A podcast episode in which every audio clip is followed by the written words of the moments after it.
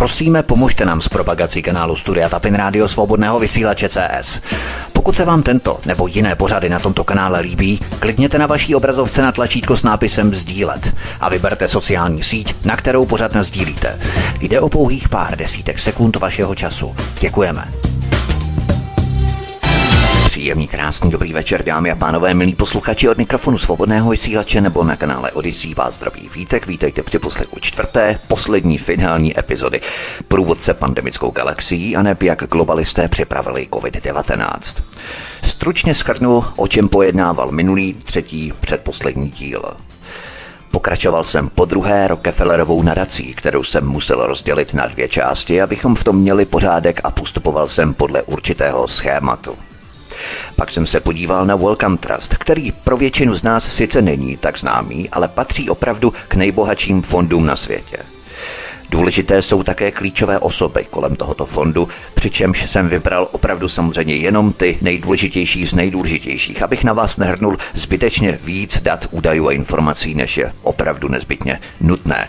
Podíval jsem se také potom stručně na Google a jeho těsné vazby s Pentagonem a s pravodejskými službami v Americe. Pokračoval jsem Světovým ekonomickým fórem Klause Schwaba, jaké je temné pozadí tohoto fóra, jste se dozvěděli v minulém díle a právě pandemie COVID-19 výrazně urychlila a prosadila prvky čtvrté průmyslové revoluce a hlavně takzvané digitální identity v ID 2020 Klause Schwaba a dalších zaangažovaných organizací. Tohle je totiž jedna ze stěžejních věcí celé této pandemie vůbec. Dále jsem přešel ke Světové bance, která také hrála v pandemii důležitou roli. Podíval jsem se také na globální radu pro monitorování připravenosti.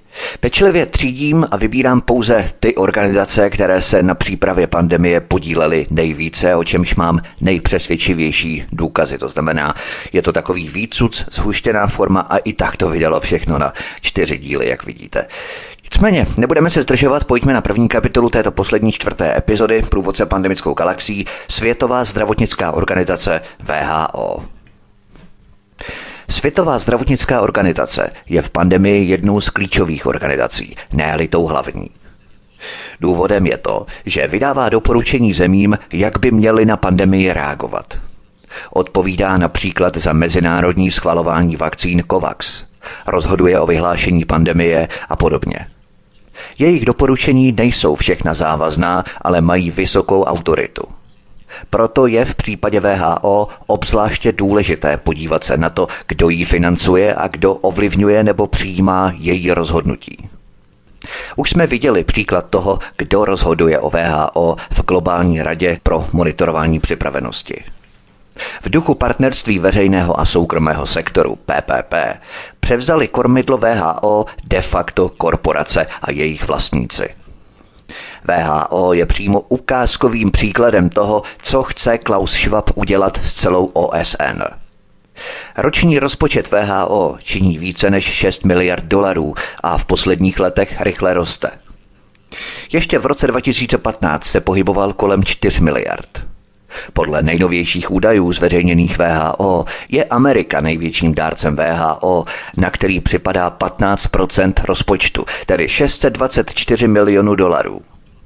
Na druhém místě je nadace Billa a Melindy Gatesových s téměř 11%, tedy 431 miliony dolarů. Bill Gates ovšem nevěnoval VHO peníze pouze prostřednictvím této nadace Billa a Melindy Gatesových. Od svého založení převedla nadace Billa a Melindy Gatesových Světové zdravotnické organizaci téměř 3,4 miliardy dolarů. Existují ale i nepřímé platby, protože Gavi, což je očkovací aliance založená a kontrolovaná Billem Gatesem, už téměř 20 let převádí peníze také VHO. V současné době činí podíl Gavi na rozpočtu VHO 316,5 milionů dolarů, tedy téměř 8% Bill Gates je tak největším finančníkem VHO, protože se podílí na jejím rozpočtu téměř 19% a má tedy odpovídající vliv na její rozhodování. Postupuji striktně podle čísel ničeho jiného, ano? Kdo platí, kdo hází mince do jukeboxu, ten určuje muziku, která se bude hrát. VHO se tak stává nástrojem, který chrání své financiéry. VHO nejde o to, aby dobré nebo levné léky pomáhaly chudým zemím v boji proti nemocem. VHO naopak chrání své financiéry a jejich produkty, i když jsou dražší nebo horší. A státy, které tyto programy pomoci financují nákupem léků, tak nakupují pouze od společností, které mají tyto výrobky certifikované VHO. V roce 2012 to kritizovala i Deutsche Welle, cituji. Většina z 25 miliard dolarů, které se Gatesovi podařilo v posledních deseti letech investovat do zdravotnických programů po celém světě, pochází ze zisků známých společností chemického, farmaceutického a potravinářského průmyslu. Jejich obchodní praktiky jsou až příliš často v rozporu s úsilím o podporu globálního zdraví. Konec citace. Bill Gates také vydělává jmění na obhajobě práv duševního vlastnictví. Dnes jeho nadace sází na patentované léky a vakcíny na místo podpory generických, volně dostupných a tedy i levnějších produktů. Znovu cituji tentokrát Medical International. Pokud Gates nasadí kurz VHO na takové patentované očkovací programy, budou z toho profitovat i výrobci vakcín a jejich akcionáři, tedy Gatesova nadace. Na úkor chudších obyvatel jižních zemí, protože tyto státy si často nemohly dovolit dražší očkovací programy. Konec citace Medical International. A jaká je situace dnes? To, co média před deseti lety zveřejňovala na plná ústa, dnes tají a mlčí o tom. Pokud dnes tvrdíme, že Bill Gates vydělává těžký balík na pandemii, jsme očerňovaní jako konspirační teoretici. Ale znovu opakuji, všechno to, co tu uvádím, mám podložené na tvrdých číslech. Žádné omáčky, ideologické keci, etické normy nebo morální ospravedlnění. Musíme už pro Boha konečně pochopit, že Bill Gates svým filantropickým úsilím v žádném případě nezachraňuje svět, ale pouze svěřuje finanční prostředky do společností, ve kterých má podíl. To je celé. Je to sofistikovaný ekonomický model. Pro Billa Gatese a všechny ostatní filantropy je filantropie výnosným biznesem – ať už se zabývají jakýmkoliv problémem. A co je nejdůležitější, filantropům nejde o pomoc chudým zemím, protože jejich činnost zdražuje léky natolik, že si je chudé země nemohou dovolit. Samozvaní zachránci světa, Bill Gates a spol, ve skutečnosti stěžují poskytování pomoci, na kterou údajně nezištně vynakládají své jmění.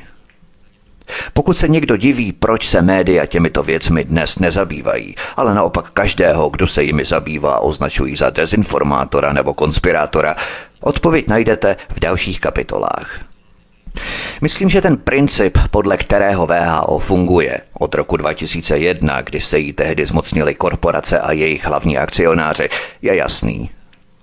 Toto fungování VHO můžu ukázat po vyhlášení pandemie. VHO tehdy znovu začala měnit další předpisy, aby nahrála záměrnému masovému očkování. Uvedu opět konkrétní fakta. 15. října 2020 kdy západní země už podepsaly smlouvy s výrobci vakcín na budoucí dodávky vakcín, které byly v té době ještě ve fázi klinických zkoušek. VHO změnila definici tzv. imunity stáda.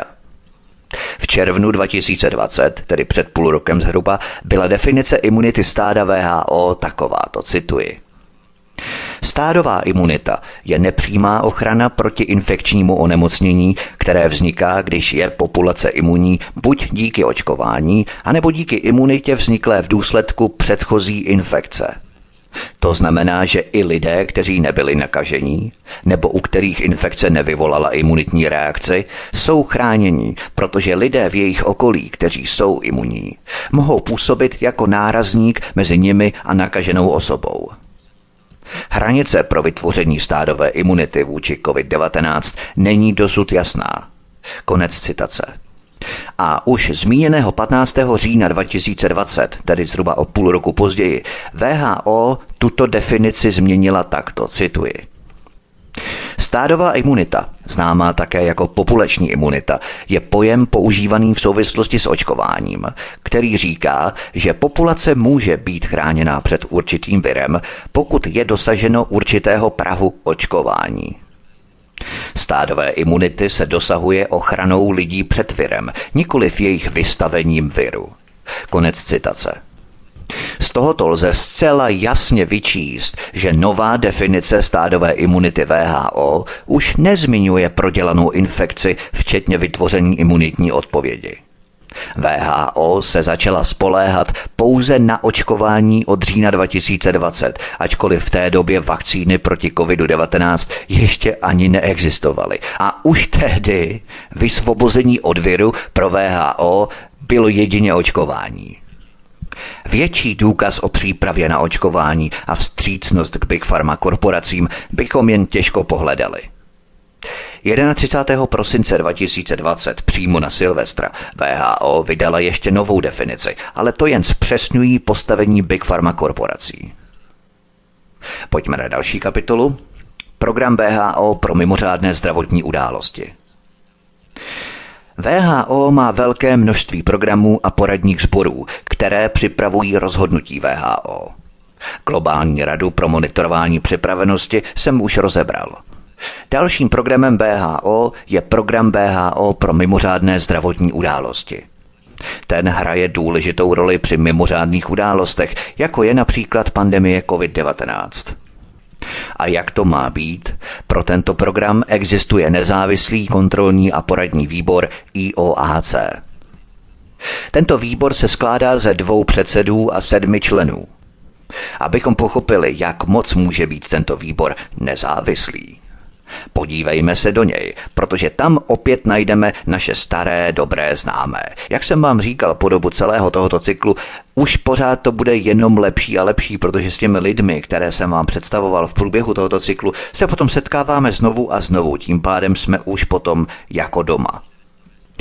Jednou z předsedkyní tohoto výboru je Geta Rao Guptová, která je aktivní v různých filantropických iniciativách. Působila také v nadaci Billa a Melindy Gatesových. Druhou předsedkyní této komise VHO je Felicity Herviová, která je mimo jiné ředitelkou londýnské nemocnice Guys and St. Thomas NHS Foundation Trust. Tento fond je zase štědře financovaný farmaceutickou společností Johnson Johnson. 17. listopadu 2017 fond oznámil průlomové partnerství s americkou společností, v jehož rámci měl fond obdržet 310 milionů liber. Jedním z členů tohoto výboru nebo této komise VHO je Elhač Asi. Toho už přece známe s Welcome Trust, globální rady pro monitorování připravenosti a podobně. Vzpomínáme si.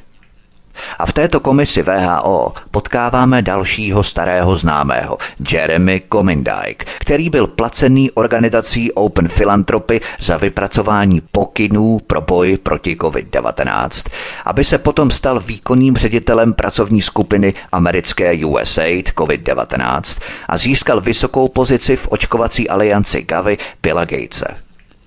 Jak nezávislá může být tato komise VHO, když oba její předsedové a téměř polovina jejich členů jsou přímo či nepřímo na výplatních listinách farmaceutického průmyslu a jeho hlavních akcionářů?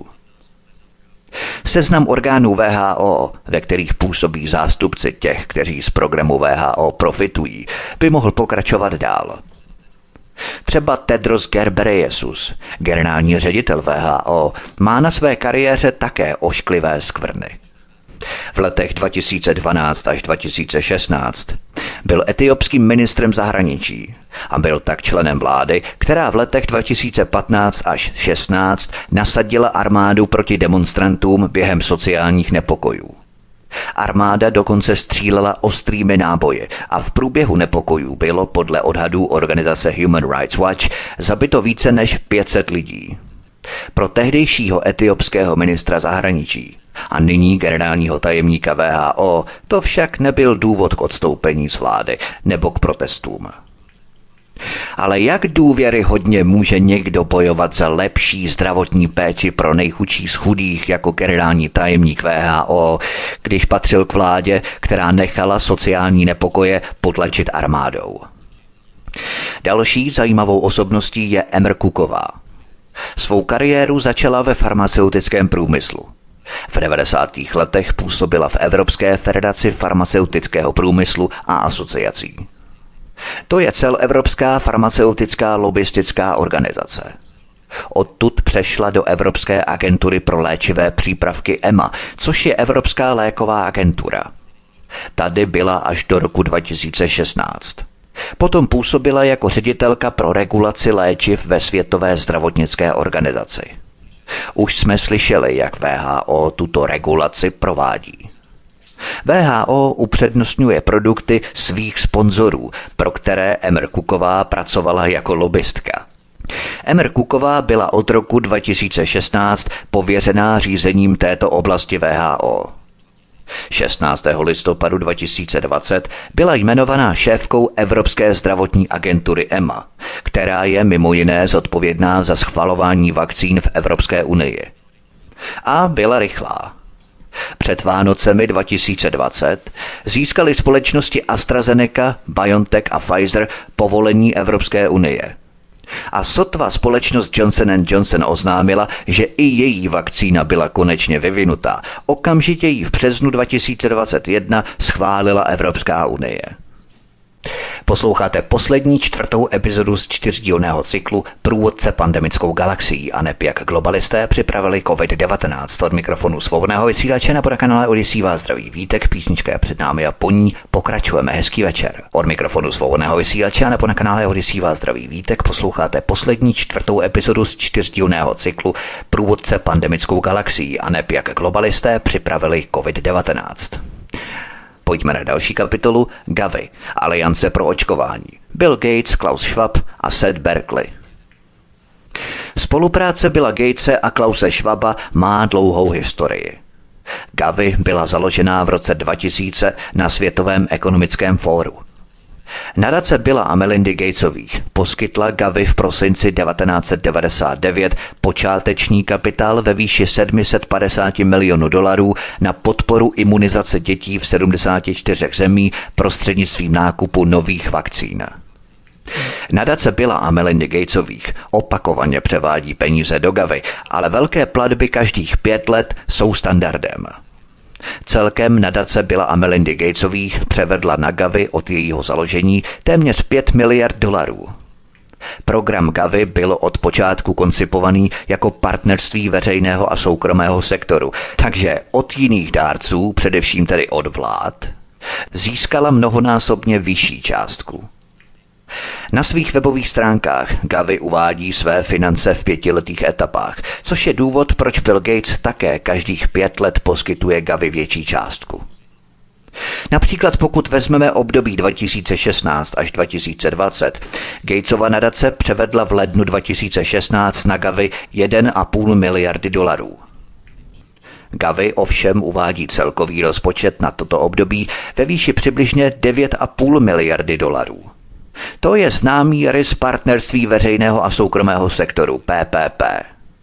Štědrý filantrop dostává většinu peněz od jiných, a to především od států, protože asi 7,5 z 9,5 miliardy pro rozpočet na toto pětileté období pochází od států. Bill Gates přispěl 1,5 miliardy a ostatní docvakly státy. z těch 9,5 miliardy dolarů. Vlády štědře poskytují peníze z daní svých občanů oligarchovi Billu Gatesovi, aby mohl konat dobro. Pro období až 2025 vykazuje Gavi rozpočet ve výši přibližně 19 miliard dolarů. Přitom přibližně 9 miliard dolarů půjde na COVAX. COVAX je v médiích popisovaný jako mezinárodní program distribuce vakcín COVID-19 do nejchudších zemí světa. Tento program je financovaný miliardami ze západních zemí, za které se nakupují vakcíny pro nejchudší země světa. To vyvolává dojem, že se jedná o vládní program nebo alespoň program OSN. Ovšem to není tak docela pravda, protože tento Kovacs skutečně založil VHO, ale společně s Gavi a Cepy Billa Gatese. A tyto tři organizace společně přebírají koordinaci, objednávání a distribuce vakcín. Zatímco 150 států světa na to dává peníze svých daňových poplatníků. VHO, Gavi a CEPy jsou organizace, které Bill Gates víceméně přímo ovládá. Bill Gates Gavi a Cepy sám založil. Jinými slovy, Bill Gates, který má shodou okolností podíl v západních farmaceutických společnostech, přesně těch, které v současnosti vydělávají na vakcínách COVID-19, má prsty v distribuci vakcín COVID-19. A to by ještě nemuselo být tak špatné, ale on má také prsty v nákupu vakcín. V čele Gavy stojí Seth Berkeley, který svou kariéru zahájil v 90. letech v Rockefellerově nadaci. Veřejnost ho téměř nezná. Přes toho časopis Time v roce 2009 zařadil na seznam 100 nejvlivnějších mužů světa. Mimochodem, tento článek v časopise Time, který chválí Seta Berkeleyho, napsal Sergej Brin, spoluzakladatel společnosti Google, který byl jako student financovaný CIA. to je taková trošku perlička. Ale Seth Berkeley zahájil svou velkou kariéru v Rockefellerově nadaci v roce 1994. V roce 1996 ovšem z Rockefellerovy nadace odešel a založil Mezinárodní iniciativu pro očkování proti AIDS. V této pozici se stal tak významným, že se dostal do seznamu nejvlivnějších lidí světa časopisu Time. Tuto iniciativu samozřejmě nezaložil sám. Je to také partnerství veřejného a soukromého sektoru, které založila Rockefellerova nadace s cílem schromažďovat finanční prostředky od národů světa a směrovat je korporacím. Rockefeller zahájil vznik této iniciativy v roce 1994 konferencí v Itálii. Dnes už tato iniciativa Rockefellera jako finančního podporovatele neuvádí. Ovšem jako sponzory jmenuje všechny ostatní obvyklé podezřelé, které jsme v tomto mém cyklu poznali. Americká agentura a prodloužená ruka CIA USAID, nadace Billa a Melindy Gatesových, Komise Evropské unie, Světová banka, Ministerstvo obrany USA, Wellcome Trust, CEPI, Americký národní zdravotní institut pod vedením Anthony Fauciho, GlaxoSmithKline a další. Seth Berkeley přešel z této iniciativy do Gavy v roce 2011 a od té doby je výkonným ředitelem Gavy. Pojďme na další kapitolu Gavy ve Švýcarsku. V roce 2009 se Gavi podařilo něco, co se podaří jen málo komu. Ačkoliv byla Gavi založená jako soukromá organizace, ve Švýcarsku, kde sídlí, získala status mezinárodní právnické osoby – Smlouva, kterou švýcarská vláda a Gavi za tímto účelem uzavřeli, poskytuje Gavi privilegia, o kterých si ostatní mohou nechat jenom zdát. Organizace Gavi získala ve Švýcarsku úplnou imunitu pro sebe, své úředníky a ředitele. To znamená, že ji nelze žalovat za její činnost a že ve Švýcarsku nelze stíhat ani trestné činy, kterých se Gavy nebo její zaměstnanci mohou dopustit při své práci pro Gavy. Prostory Gavy, její archivy a dokumenty a dokonce ani zavazadla jejich zaměstnanců nesmí být prohledávané. To všechno platí i pro konzultanty, kteří pro Gavy pracují dočasně. Ale to není ještě všechno. Gavi a její zaměstnanci jsou ve Švýcarsku zcela osvobození od daní. Zaměstnanci dokonce nemusí platit ani DPH ze soukromých nákupů.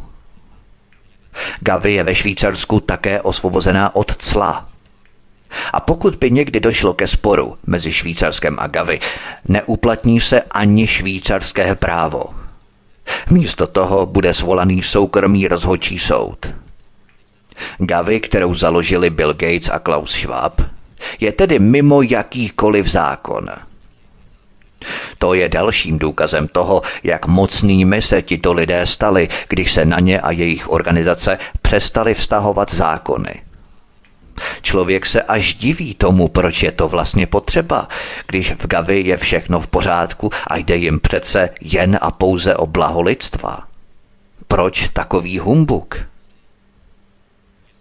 Pojďme na další kapitolu Breakthrough Energy. Gatesův boj proti klimatu.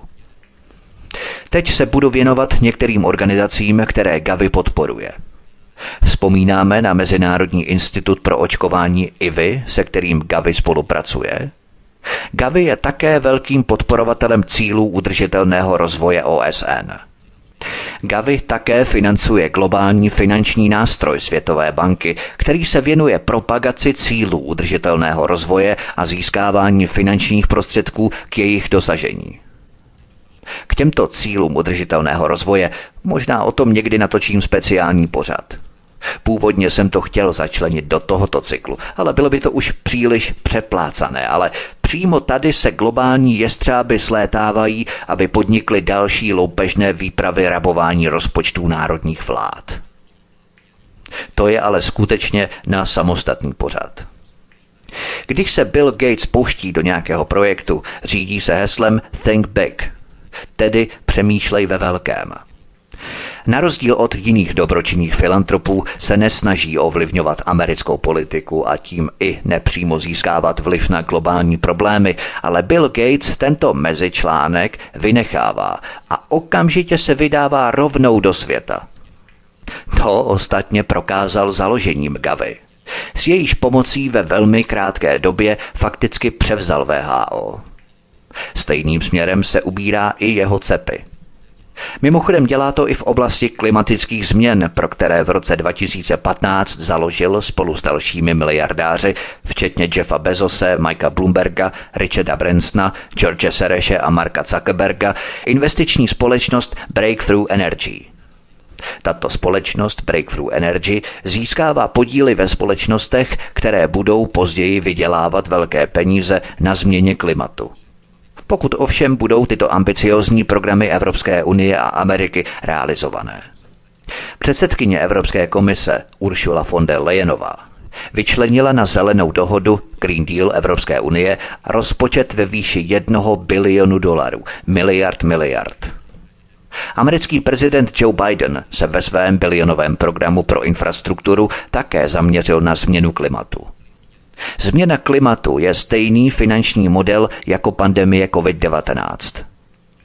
Bill Gates a jeho přátelé jsou připraveni nasměrovat tyto peníze do společností, do kterých investovali. Ať už přímo nebo prostřednictvím Breakthrough Energy. Je to prostě normální biznis. Když přece do něčeho investujete pro Boha, tak chcete, aby se vám ty peníze nejenže vrátily, ale znásobily. Dnes je tohle ale dezinformace a konspirace. Rozumějme, to, o čem se před deseti lety běžně psalo dokonce v mainstreamu, je dnes konspirační teorie. Jsou to přece ušlechtilí mecenáši a filantropové, kteří zachraňují svět a konají dobro. O peníze jim přece vůbec nejde, dělají to nezištně, zcela zadarmo. Chápete? Ani v tomto případě neponechal Bill Gates nic náhodě, protože společnost Breakthrough Energy založil právě ve chvíli, kdy prezident Barack Obama vyhlásil svou Mission Innovation. V rámci této mise mnoho západních států spojilo své síly a věnovalo finanční prostředky na boj proti změně klimatu. Ani se nesnažím zakrýt, že Mission Innovation a Breakthrough Energy patří k sobě – Partnerství veřejného a soukromého sektoru, které přelévá peníze daňových poplatníků do kapes oligarchů, je tak dobře zavedené, že se za něj dnes už nikdo nestydí.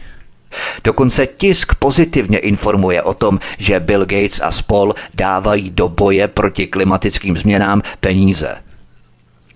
Peníze na boj proti změně klimatu.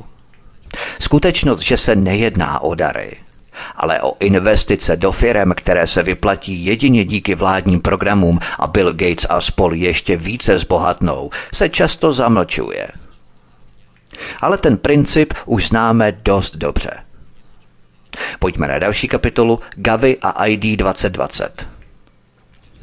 O jedné organizaci, kterou Gavi podporuje, bych rád hovořil podrobněji. Jedná se o ID 2020, o které jsem se už krátce zmínil v kapitole o Světovém ekonomickém foru Klause Schwaba. Vzpomínáte? V rámci tohoto projektu ID 2020 uvažuje Bill Gates také v globálním měřítku. Nejde o nic menšího než o to, aby všichni lidé na světě získali digitální identitu. Podle myšlenek Billa Gatese a jeho kolegů z ID 2020 by měla být všechna data o každém člověku uložená digitálně a pohromadě v jedné databázi. To by znamenalo, že zdravotní záznamy, důchodové a zdravotní pojištění, řidičské průkazy, bankovní účty a kreditní karty, řidičské průkazy, průkazy totožnosti, pasy a tak dále by byly uložené v jediné databázi. Každý by se mohl identifikovat prostřednictvím svého mobilního telefonu. Pokud si vzpomeneme na čip, který tak hrdě představil doktor Matthew Hebron z americké DARPA, pak není třeba velké fantazie, abychom si představili, čeho ID 2020 chtěla nakonec dosáhnout. Je třeba jasně říci, že se jedná o transparentní lidskou bytost, tedy o konečný dohled. ID 2020 si stanovila za cíl získat tyto údaje, rozumíme sledování všech lidí na Zemi. To by přece byla nejvyšší moc, protože takto by bylo možné lidi, kteří se proti tomu všemu bouří, stisknutím tlačítka vypnout, tedy smazat jejich digitální identitu. Na stránkách ID 2020 to samozřejmě zní úplně jinak. Tam si stěžují, že miliarda lidí nemá žádné doklady a proto nemá přístup ke státním službám nebo zdravotní péči a ID 2020 to chce nezištně změnit a pomoci všem těmto bídným nešťastným lidem a dát jim digitální identitu. Jak moc je to ale důvěryhodné, když jedním z mála exkluzivních a vybraných partnerů ID 2020 je mimo jiné datová chobotnice Microsoft, jejíž cílem je schromažďovat od lidí co nejvíce dat, aniž by je o tom podrobně informovala. Jak může být člověk vlastníkem svých dat, když Microsoft schromažďuje a vyhodnocuje z velké části bez toho, aby ho o to někdo požádal? ID 2020 je podle vlastních prohlášení financovaný pouze pěti partnery. Od poradenské společnosti Accenter, poradenské společnosti IDEO, psáno IDEO, Gavi, Rockefellerovy nadace a společnosti Microsoft. Mezi další partnery patří Facebook a Mastercard, který pravděpodobně doufá ve velký obchod, pokud se ID 2020 prosadí a stane se hlavním platebním systémem. Ve správní radě ID 2020 zasedá náš známý generální ředitel Gavi Seth Berkeley a výkonnou ředitelkou ID 2020 je Dakota Grenrová, která dříve úzce spolupracovala se Setem Berkleym v Gavi. Musíme uvážit, že Evropská unie už zavedla centrální databázi COVID pro očkování. Je jasné, jak rychle se digitální identita rozšiřuje díky pandemii COVID. Opět zdůrazňuji, pokud by něco jako pandemie COVID nepřišla, Žádný konečný dohled a šmírování by se vládám nepodařilo protlačit v žádném případě, za žádných okolností. Ovšem díky požehnané pandemii, jako urychlovače akcelerátoru těchto procesů, je možné digitální identitu, tedy konečný dohled nad občany, zavést – využít pandemické krize k posílení autorit globální mocenské kliky. ID 2020 se o tento cíl snaží. Jednou ročně pořádají velký kongres. A přestože se Kavy údajně zajímá pouze o záchranu nejchudších lidí na světě prostřednictvím očkování, je do této oblasti silně zapojená. Posloucháte poslední čtvrtou epizodu z čtyřdílného cyklu Průvodce pandemickou galaxií a neb jak globalisté připravili COVID-19. Od mikrofonu svobodného vysílače na kanále Odisí vás zdraví vítek, písnička je před námi a po ní pokračujeme. Hezký večer. Od mikrofonu svobodného vysílače a nebo na kanále Odisí vás zdraví vítek posloucháte poslední čtvrtou epizodu z čtyřdílného cyklu Průvodce pandemickou galaxií a neb jak globalisté připravili COVID-19. Pojďme na další kapitolu CEPy, Koalice pro inovace v oblasti připravenosti na epidemie. CEPI je další globální aliance partnerství veřejného a soukromého sektoru. Jejím cílem je vybudovat výzkumnou síť pro výzkum a vývoj nových vakcín, které by lépe a přímněji reagovaly na případné propuknutí nových virových infekcí. Opět se tedy jedná o to, že farmaceutické společnosti získávají peníze daňových poplatníků na financování svého výzkumu a následně vydělávají na lécích vyvinutých za státní peníze. Založení této cepy inicioval náš známý Jeremy Ferrer, ředitel nadace Welcome Trust – v červenci 2015 publikoval spolu s dalšími lékaři v časopise New England Journal of Medicine článek s názvem Vytvoření globálního fondu pro vývoj vakcín. To jsem také zmínil, myslím, že v minulém nebo předminulém díle. Jeremy Ferrer v článku popsal potřebu zřídit fond, který by schromažďoval peníze na výzkum nových vakcín pro léčbu vzácných onemocnění. Formálním důvodem byla epidemie eboli v roce 2014 a epidemie viru Zika v Latinské Americe v roce 2015. Obě epidemie v té době dominovaly médiím. Ebola je nebezpečná nemoc, ale přenáší se pouze výměnou tělesných tekutin, proto se ebola jen zřídka kdy rozšířila příliš daleko. Jeremy Ferrer a jeho spoluautoři využili v roce 2015 tyto epidemie jako příležitost k tomu, aby nastínili Fond pro vývoj vakcín a vyzvali k jeho vytvoření. V roce 2016 se o této problematice diskutovalo na Světovém ekonomickém fóru. A konečně v roce 2017 byl na Světovém ekonomickém fóru založený CEPI – Gavi byla na Světovém ekonomickém fóru založená v roce 2000 a CEPI také na Světovém ekonomickém fóru o 17 let později. Všechno prostřednictvím Světového ekonomického fóra Klause Schwaba. Bill Gates a Klaus Schwab. Vlády Německa, Japonska a Norska Stejně jako nadace Billa a Melindy Gatesových a nadace Welcome Trust poskytly počáteční financování ve výši 460 milionů dolarů. Peníze poskytlo Japonsko 125 milionů dolarů, Norsko 120 milionů dolarů, Německo 10,6 milionů dolarů a Gatesova nadace 100 milionů dolarů. Stejně jako nadace Welcome Trust 100 milionů dolarů. Později se připojila i Evropská komise a přispěla 200 miliony dolarů. Cílem bylo získat do roku 2022 1 miliardu dolarů na výzkum vakcín. CEPy sídlí v Oslu a Norsko se postupem času stalo největším dárcem CEPy. Jedním z charakteristických rysů CEPy je obrovský objem peněz, které jsou z velké části vyplácené daňovými poplatníky. Organizace dosud získala 750 milionů eur na výzkum a vývoj vakcín. Za zprávu těchto významných finančních prostředků je v konečném důsledku odpovědná správní rada CEPy. Tato rada se skládá z 12 členů s hlasovacím právem a pěti pozorovatelů, včetně Světové zdravotnické organizace VHO a Světové banky. Společnost CEPy postupovala v souladu s obvyklou politikou partnerství veřejného a soukromého sektoru PPP. Původně CEPy avizoval transparentnost, příznivé ceny vyvíjených vakcín, sdílení výsledků výzkumu a tak dále. Ale když se začaly podepisovat první smlouvy, všechno to šlo stranou. Zejména pokud jde o duševní vlastnictví, farmaceutické společnosti protestovaly, protože nechtěli, aby výsledky jejich výzkumů, získané ovšem za peníze cepy, rozuměme daňových poplatníků, byly k dispozici ostatním. CEPI je tedy řízená správní radou, o které CEPI píše, cituji. Hlavním řídícím orgánem je rada, která se skládá z 12 členů s hlasovacím právem. Čtyři investoři a osm nezávislých členů, zastupujících mimo jiné průmysl, globální zdravotnictví, akademickou obec, mobilizaci zdrojů a finance a pěti pozorovatelů. Konec citace. Ani nás už nepřekvapí, že v představenstvu CEPy najdeme některé naše staré známé. Společnost Medicines for Malaria Venture vyslala svého výkonného ředitele Davida Reddyho do správní rady CEPy.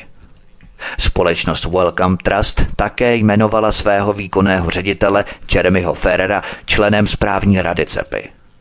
Kromě toho je v představenstvu CEPy náš starý známý John Kengasong z Kamerunu, který pro iniciativu pro jadernou hrozbu napsal doporučení pro řešení COVID-19. Potom jako odpovědná osoba na klíčových pozicích ve VHO, americké vládě a tak dál, tato doporučení realizoval. V představenstvu CEPy Zasedá také Peter Pajot, manžel Heidi Larsonové a poradce šéfky Evropské komise Uršuly von der Leyenové. Vzpomínáme si, že jeho londýnský institut financoval Bill Gates částkou přes 180 milionů dolarů. A další naše známá Margaret Hamburgová je také členkou správní rady CEPy bez hlasovacího práva. Vzhledem k tomu, že společnost CEPI začala podepisovat smlouvy na vývoj vakcín a podobně až v letech 2018 a 2019, přišla CEPI právě včas, aby pandemie začala. Pandemie COVID je dokonalým příkladem, který ukazuje moc oligarchů a to, kolik peněz si mohou od států vzít. Máme tedy co dočinění s velmi propracovaným systémem – v tomto systému se filantropové prezentují jako zachránci světa, kteří zcela nezjištně dávají své peníze na záchranu světa. Ve skutečnosti jsou to ale daňoví poplatníci, kteří platí účet tím, že nakupují zboží potřebné pro tyto programy od společností, ve kterých mají tito ušlechtilí filantropové podíl. A tento systém je prostě všude – Dalším nástrojem v této hře je CEPI, který byl vytvořený právě včas, aby mohl sehrát svou roli v boji proti pandemii COVID-19. Opravdu dobré načasování, jen co je pravda. Pojďme na další kapitolu. Nadace Billa a Melindy Gatesových. Bill Gates je dnes v médiích vykreslovaný jako nezištní člověk, který štědře využívá své jmění k záchraně světa před nejrůznějšími katastrofami, podpoře vzdělávání dětí, boji proti nemocem a samozřejmě k podpoře očkování. Bill Gates tohle všechno podle mediální legendy dělá z lásky k lidstvu. Obraz Billa Gatese v médiích ale nebyl vždy tak pozitivní, jak je vykreslován dnes – Ti starší z nás si možná pamatují 90. léta, kdy měl Bill Gates negativní ohlasy, protože bezohledně vybudoval monopolní postavení společnosti Microsoft. Bill Gates byl tehdy známý jako bezohledný, po meci a penězích toužící podnikatel, který se bez váhání uchýlil k naprosto nekalým prostředkům, pokud mu přinášeli prospěch.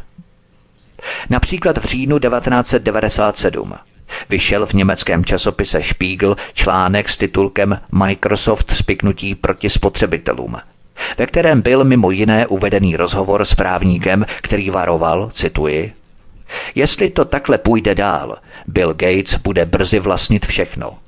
Počítačový průmysl, média, banky. Této monopolizaci musíme zabránit. Americké ministerstvo spravedlnosti musí proti společnosti Microsoft zasáhnout. Konec citace. V té době se ozývaly hlasy, aby se skupina Microsoft Billa Gatese rozpadla, protože její moc se stala příliš velkou. Jak víme, z rozpadu nic nebylo a v tomto mém cyklu jasně vidíme, jak velká je dnes moc Billa Gatese. Na konci rozhovoru řekl právník důležitou větu o obdivu ostatních podnikatelů k Billu Gatesovi. Cituji. Podnikatelé se těší na zisk. Chvála těchto lidí ale nic neznamená. Už Adam Smith říkal, že když se podnikatelé spojí, spiknou se proti spotřebitelům. Konec citace. Je jasné, že podnikatelé chtějí především vydělat peníze – Nejúspěšnější z nich jsou obvykle ti, pro které jsou peníze obzvláště důležité a kteří se k jejich dosažení uchylují i k nemorálním prostředkům. Je to prostě v povaze věci. Když je někdo opravdu úspěšný, už to není o penězích. Protože když máte deset vil, několik jachet a soukromých tryskáčů, už žádné peníze nepotřebujete. Pak jde už o moc – Peníze jsou v nejlepším případě stále měřítkem, kterým lze moc a vliv měřit. Už jsme slyšeli, že většina našich ušlechtilých filantropů byla ve svém dřívějším životě podnikatelů velmi bezohledná, když šlo o dosažení jejich cílů a získávání peněz a moci.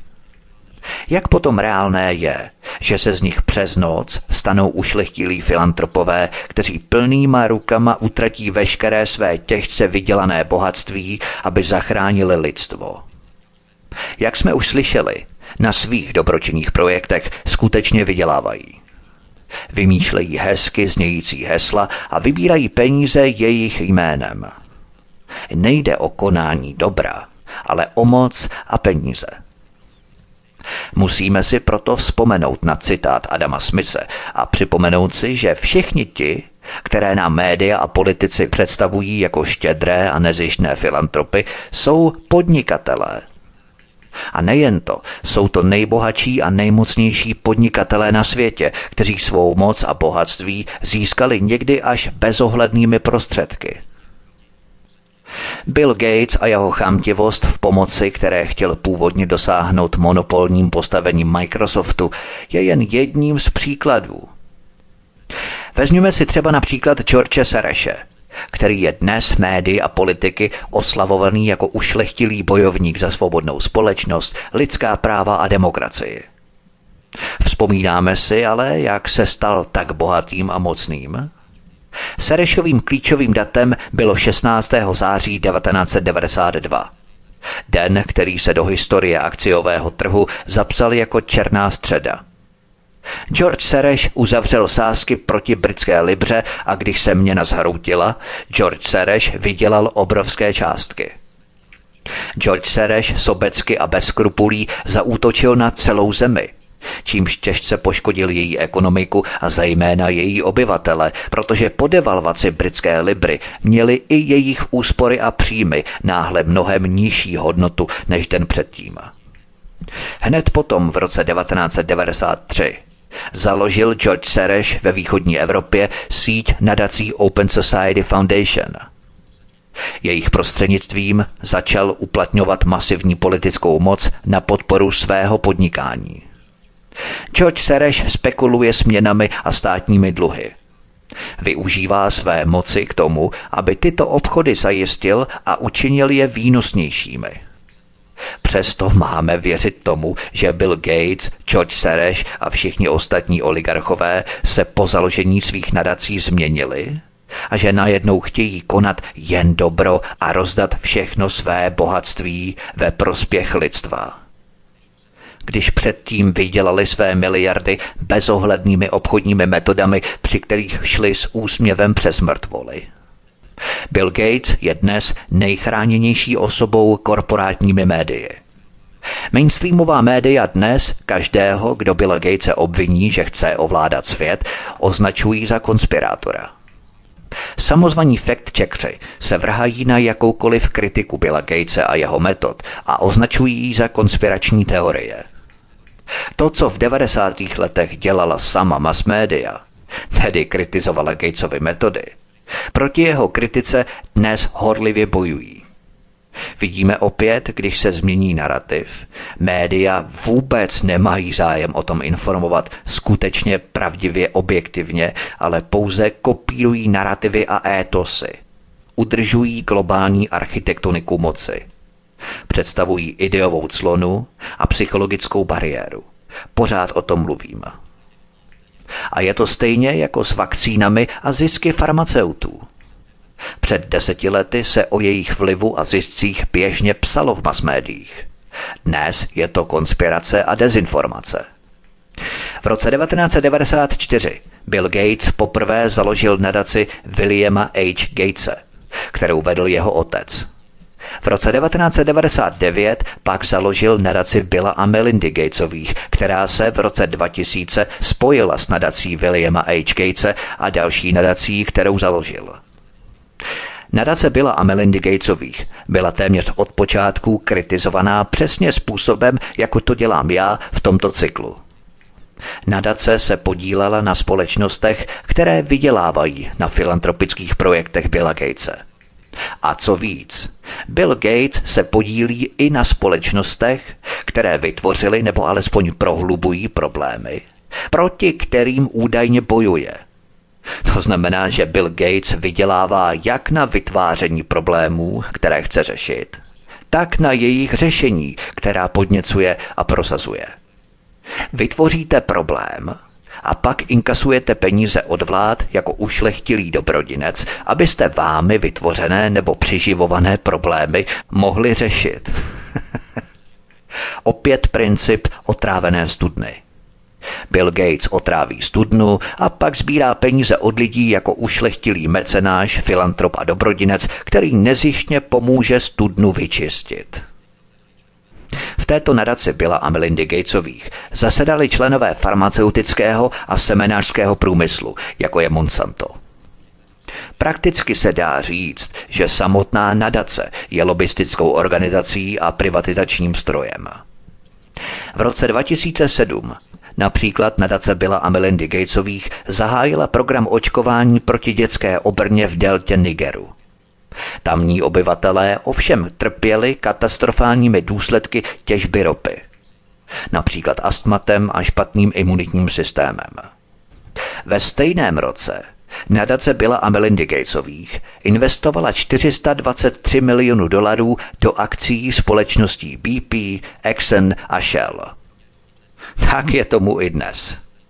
Nadace byla a Melindy Gatesových investuje do společností sropného, uhelného, chemického a těžebního průmyslu, včetně některých z nejšpinavějších společností na světě. Jedná se o společnosti, které jsou obvinované nejen z ničení životního prostředí, ale také z porušování lidských práv. V roce 2015 také britský Guardian velmi podrobně informoval o příkladu z jeho Africké republiky o tom, jak se Bill Gates nechal oslavovat za projekty na čištění odpadních vod, zatímco lidé v postižené oblasti trpí škodami na životním prostředí způsobenými ropnými rafinériemi, ve kterých má Bill Gates podíl. Je tam vysoký výskyt astmatu a rakoviny, ale Bill Gates proti znečištění nic neudělal, za to na něm vydělal spoustu peněz. V roce 2006 vytvořila nadace byla a Melindy Gatesových spolu s Rockefellerovou nadací Alianci pro zelenou revoluci v Africe, AGRA. Poslechněte si ty jejich ušlechtilé cíle – snížit do roku 2020 potravinovou nejistotu ve 20 zemích o 50% zdvojnásobit příjmy 20 milionů drobných zemědělců a umožnit 15 zemím realizovat zelenou revoluci, která podpoří drobné zemědělce, ochrání životní prostředí a usnadní přizpůsobení se změně klimatu. Konec citace. Jenom Bill Gates věnoval společnosti Agra více než 600 milionů dolarů. V roce 2016 studie Global Justice Now podrobně popsala, o co v projektu skutečně šlo. Gatesův a Rockefellerův projekt se nezaměřil na slabé oblasti Afriky. Naopak se zaměřil na zemědělsky nejúspěšnější regiony, kde se dosud semena vyměňovala mezi místními zemědělci – Prostě miliony drobných farmářů pěstovali a vyměňovali si mezi sebou cená semena svých rostlin. Protože ale Gates a Rockefeller vlastnili podíly v korporacích jako Monsanto, Dow Chemical, BASF, Bayer a další, měl jejich takzvaný program pomoci dva cíle. Nejprve měli zemědělci přejít na hybridní osivo, čili geneticky modifikované osivo – za druhé měli používat více chemických hnojiv. To všechno samozřejmě oficiálně sloužilo k zefektivnění místního zemědělství a tím i k boji proti hladu. Agra, kterou založili Gates a Rockefeller, prosazovala, aby se obchodovalo pouze s certifikovanými osivy. To by ovšem znamenalo, že obchodování s osivy zemědělců by bylo nezákonné. Duševní vlastnictví patentů na geneticky modifikovaná hybridní semena mělo být chráněné zákonem, což by zemědělským korporacím otevřelo nové trhy a nové monopoly. Takže tohle byl přesně ten princip, který se táhne jako červená nit celým tímto mým cyklem. Filantropové objevují ušlechtilý cíl, kterým je v tomto případě zelená revoluce v Africe a zlepšení tamního zemědělství v boji proti hladu. To přece zní ušlechtile a vyzývá to také státy, aby projekt finančně podpořili. V tomto případě platila Amerika, Německo a Velká Británie. Tyto vybrané peníze pak putovali velkým korporacím, v tomto případě Monsanto, ve kterých měli tito dobročinní filantropové podíl. I v tomto případě měla zelená revoluce v Africe přivést zemědělce do trvalé závislosti na korporacích. Vzpomínáme si na USAID, americkou agenturu, jejímž úkolem je otevírat nové trhy pro americké korporace. USAID je samozřejmě jedním z partnerů Agra, této zelené revoluce v Africe. To byly jen příklady akcí nadace Billa a Melindy Gatesových. Tento seminářský a potravinový řetězec globálních agrokorporací jsem pokryl ve druhém díle mého pořadu Biologické zbraně – u každého Gatesova projektu nebo programu jde o stejnou hru, kdy Bill Gates uvažuje v dlouhodobém horizontu. Realizace může klidně trvat i deset let. Vždycky se ale jedná o zvýšení Gatesovy moci a bohatství. Bill Gates ale s pandemí COVID-19 uzavřel životní obchod – jak jsem ukázal, téměř všechny peníze poskytnuté západními státy jdou tak či tak přímo do kapes Gatesem ovládaných organizací. A pozor, tentokrát nemluvím o miliardách, ale o stovkách miliard. Všimli jsme si, že nadace byla a Melindy Gatesových se objevuje v každé kapitole tohoto cyklu. Je tedy zřejmé, že Bill Gates je v souvislosti s pandemií jako pavouk uprostřed sítě – v této kapitole proto nebudu znovu uvádět všechny organizace, klíčové osobnosti a události, se kterými jsme se už setkali a na kterých se Bill Gates podílel.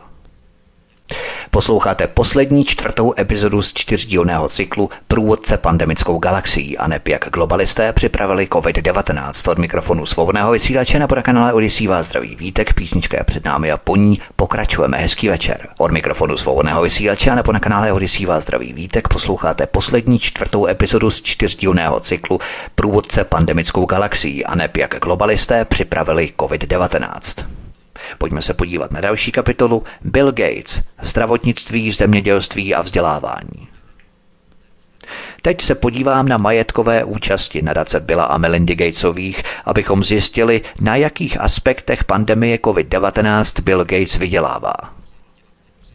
V případě vakcín jsme se už přesvědčili, že to funguje – Bill Gates má podíly ve společnostech BioNTech a Pfizer a jejich společná mRNA vakcína se na západě ujala. Na ostatních vakcínách Johnson Johnson, AstraZeneca, Moderna téměř nezáleží. Nadace byla a Melindy Gatesových se zaměřuje na tři tematické okruhy. První skupina otázek se jmenuje globální rozvoj a zahrnuje otázky potravin a zemědělství. Že tento hezky znějící nadpis neznamená to, co má znamenat, ukazuje příklad zelené africké revoluce Agra. Pod záminkou zlepšení potravinové situace v Africe byly zničené tradiční dodavatelské řetězce osiv. Místo toho se na trh dostala geneticky upravená osiva, na kterých Bill Gates vydělává ze svých podílů. Potravinová situace v Africe se díky tomu nezlepšila, ale Gatesova peněženka se rozrostla. Nadace byla a Melindy Gatesových proto investuje do mnoha společností, které vydělávají na zemědělství a také do společností, které se zabývají geneticky modifikovanými rostlinami. Bill Gates se dokonce stal v roce 2021 největším vlastníkem zemědělské půdy v Americe – Slyšeli jsme o tom vůbec v těch pravdu milujících masmédiích. Tímto Bill Gates výrazně zvýšil ceny zemědělské půdy a způsobil, že se zemědělská půda stala pro drobné zemědělce nedostupnou. To je pravděpodobně v dlouhodobém horizontu vyřadí z trhu. Druhým okruhem otázek, které Bill Gates podporuje, je globální zdravotnictví – Zdravotní otázky, boj proti virům a bakteriím jako patogenům jsou hlavní pilíře nadace Billa a Melindy Gatesových. Než jsem začal pracovat na tomto cyklu, slyšel jsem už několikrát tezi, že Bill Gates monopolizoval celosvětovou zdravotní péči. To jsem zpočátku považoval za přehnané. Od té doby jsem musel tento názor přehodnotit. U každého zdravotního problému, na který jsem při práci na tomto cyklu narazil, se objevila nadace Billa a Melindy Gatesových. Já nemám rád takovéto hurá odvážné fráze, ale tady je to naprosto výstižné. Bill Gates jako chobotnice rozprostřel svá chapadla do všech oblastí globální zdravotní péče.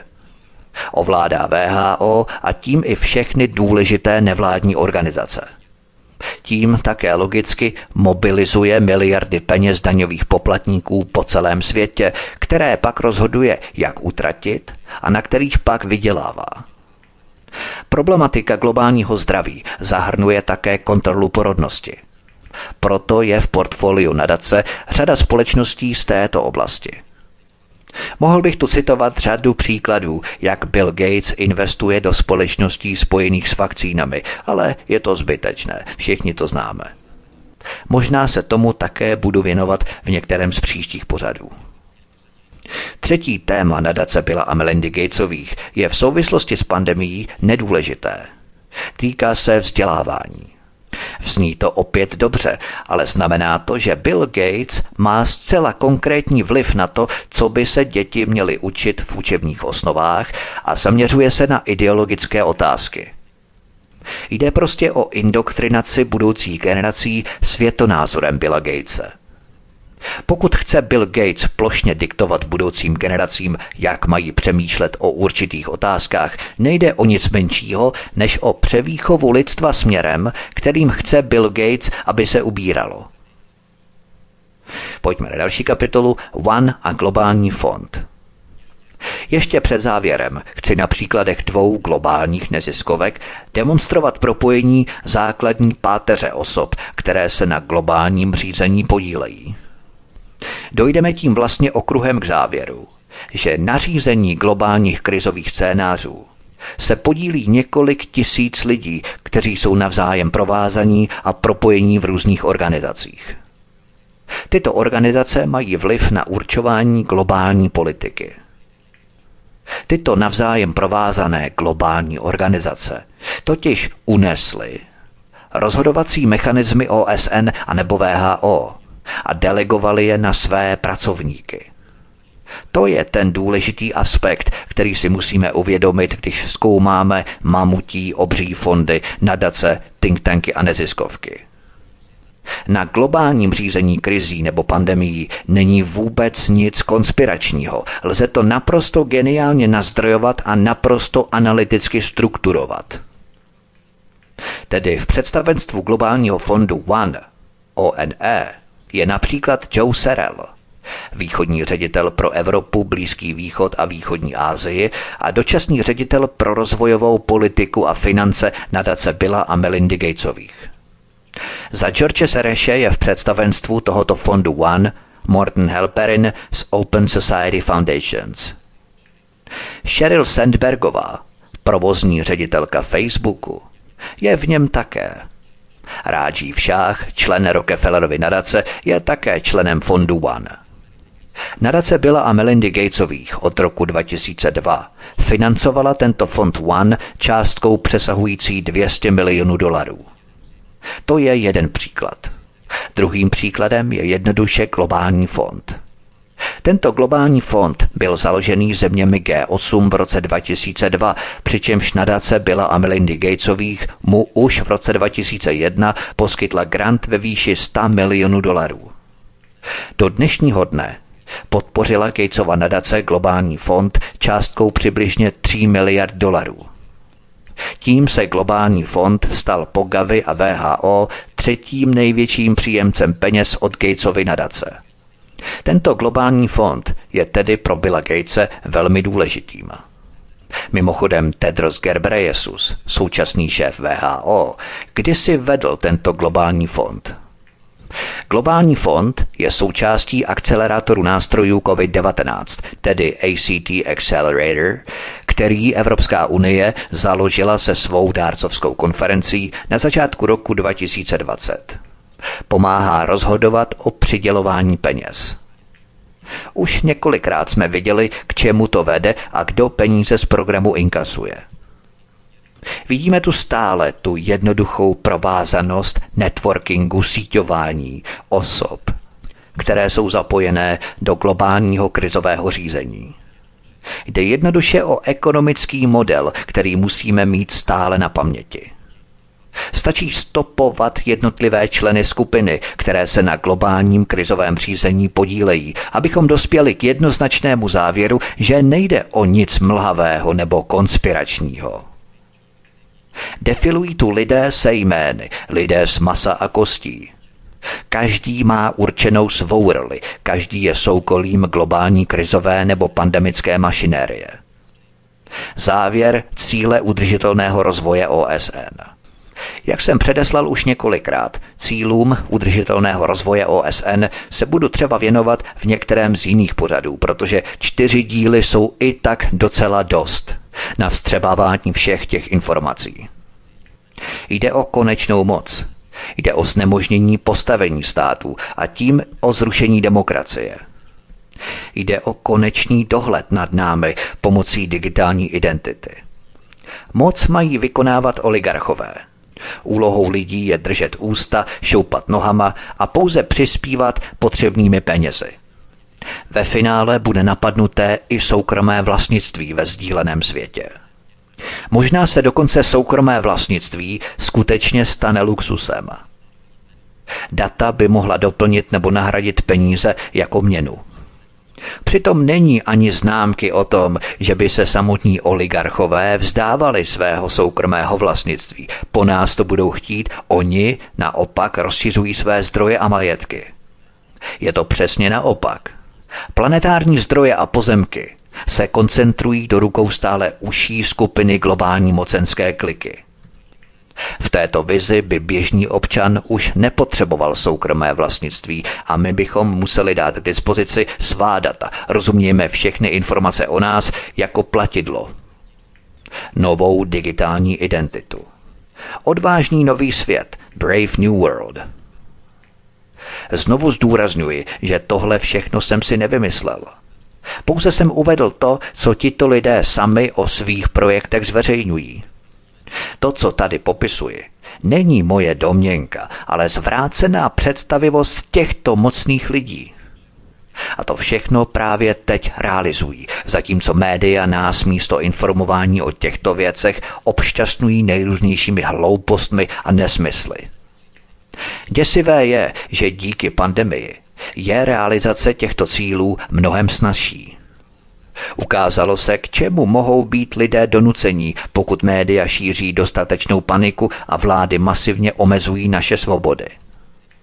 To všechno se samozřejmě děje pro naší ochranu.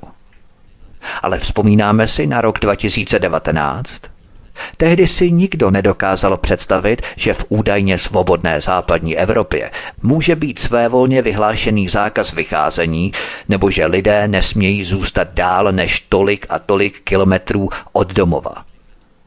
O pouhé tři roky později už se za nový normál, new normal, označuje to, že se musíme vzdát velké části svých svobod – nebo že svá práva získáme zpátky pouze, pokud se necháme očkovat experimentální mRNA vakcínou.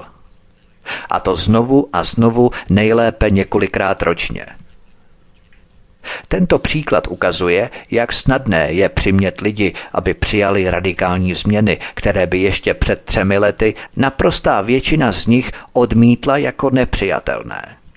Pandemie vedla k masivní změně hodnot společnosti. Média nás od počátku pandemie připravovala na nový normál. Lidé, kteří se na tuto pandemii intenzivně připravovali v letech 2017 až 2019, jsou shodou okolností těmi samými lidmi, kteří dnes vydělávají stovky miliard na pandemii COVID-19. Musíme si klást základní otázku, proč lidé kteří utratili miliardy dolarů za přípravu na tehdy nejistou pandemii, Na ní téměř nevydávají peníze právě teď, když už tu pandemie přece je. Vždyť právě teď je potřeba hodně peněz na boj s pandemií a zmírnění jejich následků. Odpověď je patrná z celého mého cyklu, protože to byly investice před pandemí a dnes se sklízí úroda, žně. Slyšeli jsme, jak se v letech těsně před pandemií udělalo a zaplatilo mnoho pro přípravu na pandemii. Ale když pandemie přišla, tyto věci se najednou zastavily. To financování pandemie převzali daňoví poplatníci zejména západních zemí. Zatímco filantropové, mecenáši a dobrodinci a jejich nevládní organizace začaly vydělávat. Všechny hlavní simulační a hodnotící konference byly organizované a placené neziskovkami, které dnes na pandemii vydělávají. Vždyť to přece pro Boha vidíme, je to veřejně dostupné, akorát si člověk musí tu mozaiku složit dohromady. A zástupci států, které ten účet platí, nebyli nikdy přítomní. V nejlepším případě tu najdeme zástupce amerických úřadů, kteří jsou ale také úzce propojení s nevládními organizacemi. Je to pořád stejný ekonomický model. Ušlechtilý filantrop propaguje projekt, daruje trochu peněz, pak inkasuje většinu celkových nákladů od vlád a pak vydělává na vládních zakázkách, protože ušlechtilý filantrop má shodou okolností podíl právě v těch korporacích, kterým vlády zakázky zadávají. Peníze na projekty pocházejí v malé části z miliardářských neziskovek, ale z velké části od nás, daňových soustrastníků. Opět jde o princip partnerství veřejného a soukromého sektoru PPP. Státy platí miliardářské projekty, na kterých miliardáři následně vydělávají ještě více peněz. A jak stále a pořád říkávám, všichni se znají navzájem. Procházejí všemi společnostmi, pak vládními posty a znovu organizacemi. Tyto soukromé nadace, fondy a organizace využívají vládní úředníky k zajištění přístupu k důležitým úřadům. A nakonec se už pak ani neví, jestli je to vládní rozhodnutí výsledkem práce objektivních odborníků, anebo jestli je výsledkem lobbingu miliardových korporací a neziskovek. A právě o to ale korporace a nevládní organizace usilují prostřednictvím partnerství veřejného a soukromého sektoru. Celý cyklus o tom hovoříme. Takže pro něj jde všechno podle plánu. Prostě si v nějakém konkrétním termínu vybrali mírně agresivnější chřipkový virus. V médiích ho nafoukli, takže hrozil konec světa. A VHO to ochotně sehrála, změnila pravidla pandemie a nakonec vyhlásila poplach. Tak to funguje partnerství veřejného a soukromého sektoru v praxi. Charitativní neziskovky nemají zájem na tom, aby veřejnost věděla, na čem vydělávají. Například Welcome Trust proto provozuje své podíly prostřednictvím offshoreových společností, aby je zamaskoval. My už ale víme, na čem vydělávají. Tyto organizace, nadace, fondy a think tanky se živí vybičovanou hysterií pandemie. Dostatečně vyděšení a vystrašení lidé jsou potom náchylnější a podajnější k drakonickým opatřením vlád. Roušky, testy, vakcíny. Obrovský biznis. Na tom přece není nic neobvyklého. Musíme se ptát, zda byla všechna tato opatření v pandemii nutná a oprávněná v té míře a v té radikálnosti, v jaké byla použitá. Na tuto otázku tu nechci odpovídat, protože je to morální otázka, na kterou si musí každý odpovědět sám sobě. Je počet oficiálně registrovaných obětí covidu na celém světě tak vysoký, aby ospravedlnil vedlejší škody způsobené karanténami a lockdowny? Ještě na konci října 2021, tedy rok a půl po začátku pandemie, podle Univerzity Johnse Hopkinse Oficiálně zemřelo na celém světě 5 milionů lidí na COVID-19 nebo dokonce s ním. Při světové populaci, čítající přibližně 8 miliard lidí, znamená 5 milionů úmrtí, že pandemii padlo za oběť 0,06% světové populace. Na druhou stranu, počet hladovějících lidí a tím i počet úmrtí na hlad v důsledku pandemie prudce zrostl, protože lockdowny a uzavření hranic vedly ke ztrátám na úrodě osev. To se samozřejmě projevilo i v nárůstu cen potravin po celém světě v důsledku pandemie. Podle Organizace pro výživu a zemědělství se počet hladovějících lidí během pandemie zvýšil o 70 milionů na 161 milionů. To ukazuje, že globální vedlejší škody způsobené opatřeními, které vlády zavedly na doporučení VHO, jsou vyšší než počet obětí pandemie. Lze diskutovat o tom, jaké závěry z toho vyvodit a zda byla tato všechna opatření skutečně oprávněná. Tato diskuze se ale vůbec nevede. Vedlejší škody opatření korona vedly k mnohem většímu počtu obětí než samotný COVID-19, pokud vezmeme v úvahu pouze celosvětový nárůst počtu obětí hladomorů. Nemluvě o dalších vedlejších škodách třeba odložené preventivní lékařské prohlídky a léčba rakoviny, nárůst kardiovaskulárních onemocnění v důsledku nedostatku pohybu v lockdownech a karanténách, psychické problémy zejména u dětí v důsledku nedostatku sociálních kontaktů a tak dál a tak dál. Tedy základní otázka, komu pandemie a globální krizové řízení prospívá nejvíce, je v mých očích zcela jasná. Pokud se mnou souhlasíte, anebo taky ne, Budu velmi rád, když se se mnou podělíte o vaše postřehy, dojmy pozorování nebo vaše pátrání nebo bádání v těchto spletitých vazbách v komentářích pod pořadem tady na kanále Odyssey. Budu velmi rád za vaše komentáře, budu také rád, když budete sdílet tento pořad na sociálních médiích, všechny čtyři díly tohoto cyklu Průvodce pandemickou galaxií.